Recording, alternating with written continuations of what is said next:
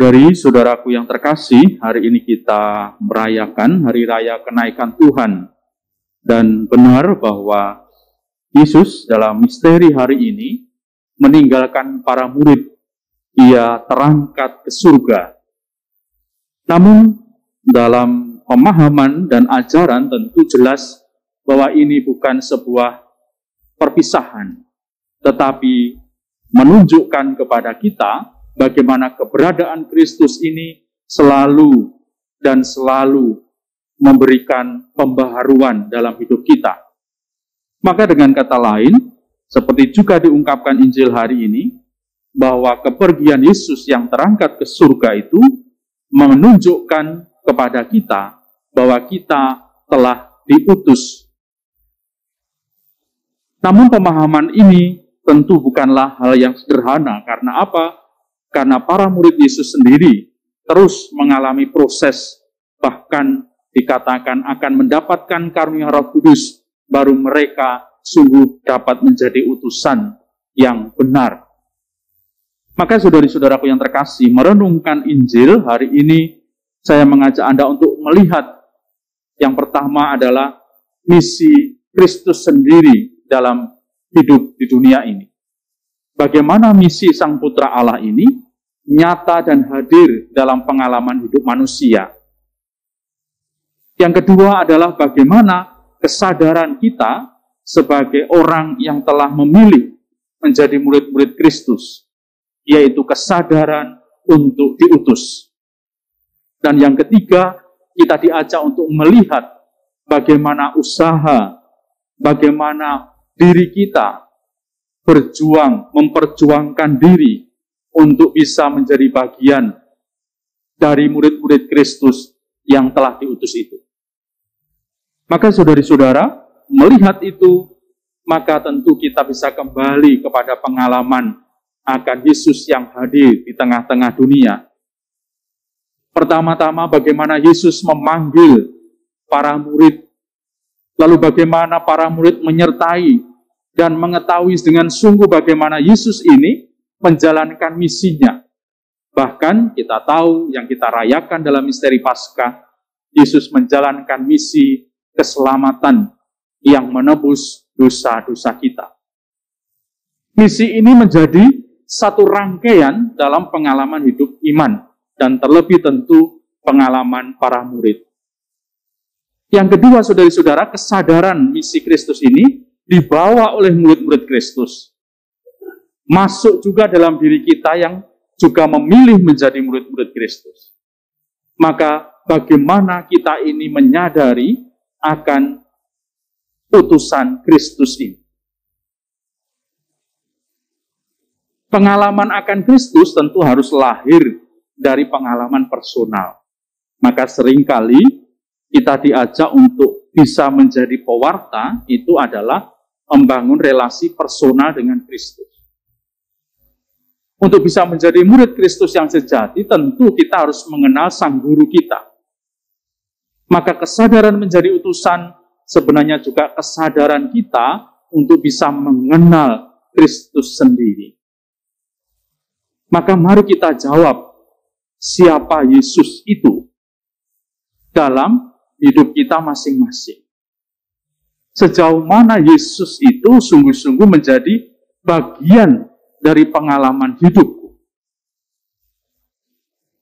Sejauh mana terlebih dalam situasi pandemi yang terbatas ini, Yesus yang nyata dalam pengalaman personal kita.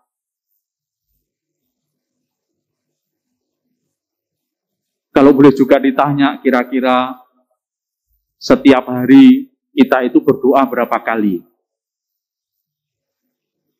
Mungkin mulai dari bangun pagi. Ya. Kalau bangun pagi sudah lupa berarti lewat ya. Berarti tinggal makan pagi. Kalau makan pagi juga karena tergesa-gesa, lupa, lewat lagi. Berarti mungkin nanti ketika makan siang, Nah, ketika makan siang karena mungkin banyak kerjaan sehingga lupa makan siang, jadi tidak jadi berdoa makan siang. Lalu kemungkinan berikutnya apa? Makan malam. Nah, ini biasanya makan malam ini kan makan perjamuan. Nah, pas makan malam diundang orang. Mau doa juga sungkan. Akhirnya dibatin lah. Pokoknya Tuhan ngerti. Sehingga doa untuk makan malam sedikit terlewatkan karena hanya dibatin. Kemungkinan terakhir adalah sebelum tidur karena sudah kerja, ya, lalu juga harus mendapat eh, mendatangi undangan sehingga capek. Pulang ke rumah, tidak sempat berdoa langsung tidur. Ada yang mengalami begitu tidak kira-kira? Kalau Anda mengalami bersyukur ya. Karena hidup Anda produktif sekali itu ya. Nggak ono lereh nih ya. Tetapi ini saudari-saudaraku yang terkasih, kadang pengalaman personal kita dengan Allah itu sering kali terbatas dalam momen-momen atau kegiatan-kegiatan yang seolah-olah menjadi ini kegiatan rohani. Kalau kita membagi semacam itu mungkin sangat baik. Tetapi bisa jadi kita sering kali melalaikan itu karena kita menganggap waktu-waktu itu adalah waktu-waktu yang terpisah dengan hidup kita. Maka bagaimana menyadari murid Kristus? Sebenarnya memang kita harus menyediakan waktu yang tepat untuk berdoa. Tetapi kita harus menyadari hidup kita ini menjadi bagian terus-menerus dengan Allah sendiri. Dan itulah yang menurut saya harus menjadi pengalaman personal. naik motor, salib, uh, masuk. Ya ampun Yesus, muka-muka selamat. Yang nyalip saya tadi. Doa, pengalaman personal yang langsung menjadi hidup kita.